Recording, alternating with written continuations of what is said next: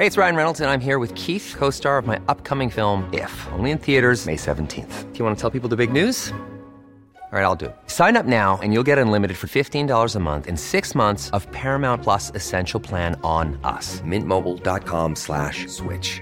Upfront payment of $45 equivalent to $15 per month. Unlimited over 40 gigabytes per month. Face lower speeds. Videos at 480p. Active Mint customers by 531.24 get six months of Paramount Plus Essential Plan. Auto renews after six months. Offer ends May 31st, 2024. Separate Paramount Plus registration required. Terms and conditions apply if rated PG.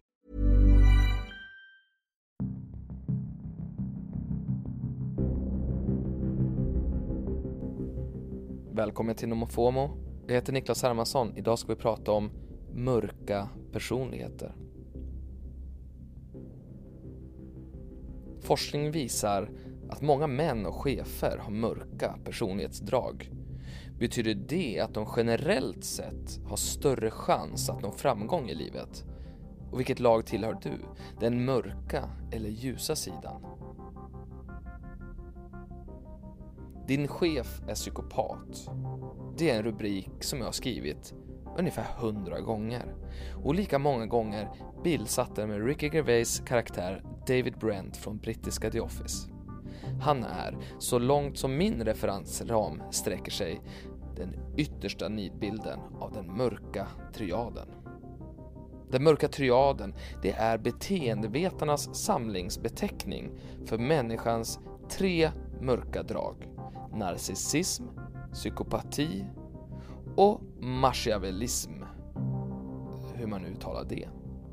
Men det är i alla fall en cynisk och manipulativ attityd. Hur man än vänder och vrider på de här orden så handlar det egentligen om en människas benägenhet att utnyttja andra för egen vinning. Så frågan är, är det till ens fördel att ha en mörk personlighet?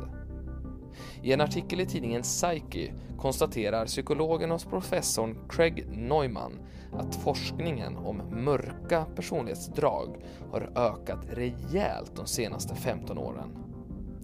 Ett lustigt sammanträffande, ett sammanträffande det är ju att Facebook och Twitter fyller snart 15 år. Hur som helst, numera vet vi att dessa drag är vanligare bland män än kvinnor och att eh, 1-2% av jordens befolkning har extremt mörka personlighetsdrag medan 10-20% ligger på måttliga nivåer vilket ju fortfarande gör dem mer benägna att ljuga, fuska, vara rasistiska, sexistiska och våldsamma. På senare tid har forskarna börjat fokusera allt mer på de ljusare personlighetsdragen så kallade vardagshelgon som är genuint intresserade av andra och behandlar andra människor väl utan baktanke. I en ny studie som heter Light and Dark Trait Subtypes of Human Personality A Multi-Study Person-Centered Approach hade 30-50% av de tillfrågade sådana personlighetsdrag. Alltså vardagshelgon och då så var majoriteten kvinnor. Jag har alltid dragits till ytterligheterna. De med mörka personligheter tenderar att ha lite vassare humor, djupare kulturintresse och på grund utav sin gränslöshet är de ofta oslagbara historieberättare. Men de är nästan omöjliga att samarbeta med. Därför är vardagshelgon att föredra både i jobbsammanhang och i den innersta vänskapskretsen. Det visar också den här nya studien. Mörka personligheter är förvisso oftare chefer och ses som karismatiska men de får mindre uträttat och de är bedrövliga lagspelare. Politiker som tillhör den mörka triaden vinner ofta folkets röster men har betydligt svårare att få igenom nya lagar och politiska beslut. Mörka personligheter har inte heller någon fördel när det kommer till ekonomi. Hedgefondförvaltare till exempel, som utnyttjar andra för egen vinning, förlorar oftare på det i slutändan. Faktum är att människor med mörka personlighetsdrag generellt sett inte tjänar mer än de med ljusare personlighetsdrag. Utanför jobbet blir det än värre för den mörka triaden. Fängelse, självmord och ond bråd död. är inte ovanligt. Men även om det inte behöver gå så långt så kämpar de mörka personligheterna med en svag självbild och oförmågan att vara känslomässigt intima med andra. Nyckeln är empati. Enligt den nya studien är förmågan att förstå och acceptera andras perspektiv det är den främsta katalysatorn till ett lyckligt liv. Att vara social, det är en annan. Den som samarbetar mår faktiskt bättre. Men allt är inte svart eller vitt. 40% i studien visar sig vara en blandning. Kan det tänkas vara det ultimata receptet? Alltså att vara en blandning. Att kunna samarbeta men ändå stå upp för sig själv? Svaret är faktiskt nej.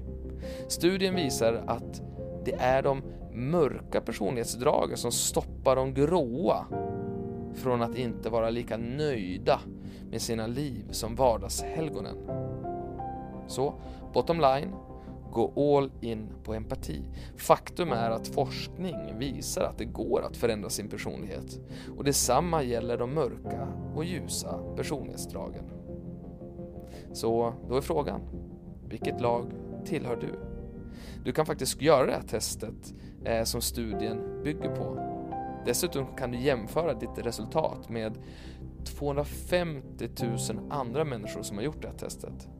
Själv blev jag slightly light, vilket eh, tack och lov betyder att jag inte är färdigutvecklad som människa.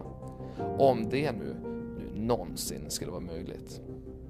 Men för att hitta den här sajten så går du till, söker du efter Scott Barry Kaufman Light Triad Scale. Lycka till!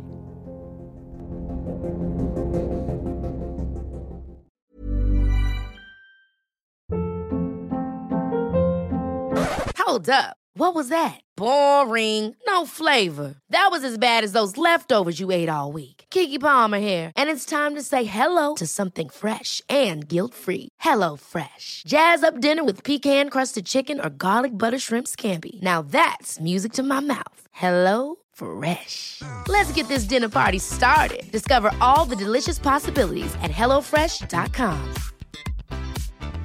Hi, I'm Daniel, founder of Pretty Litter. Did you know cats tend to hide symptoms of sickness and pain? I learned this the hard way after losing my cat, Gingy. So I created Pretty Litter, a health monitoring litter that helps detect early signs of illness by changing colors, saving you money and potentially your cat's life. Pretty Litter is veterinarian developed, and it's the easiest way to keep tabs on your fur baby's health right at home. Go to prettylitter.com and use code ACAST for 20% off your first order and a free cat toy. Terms and conditions apply. See site for details.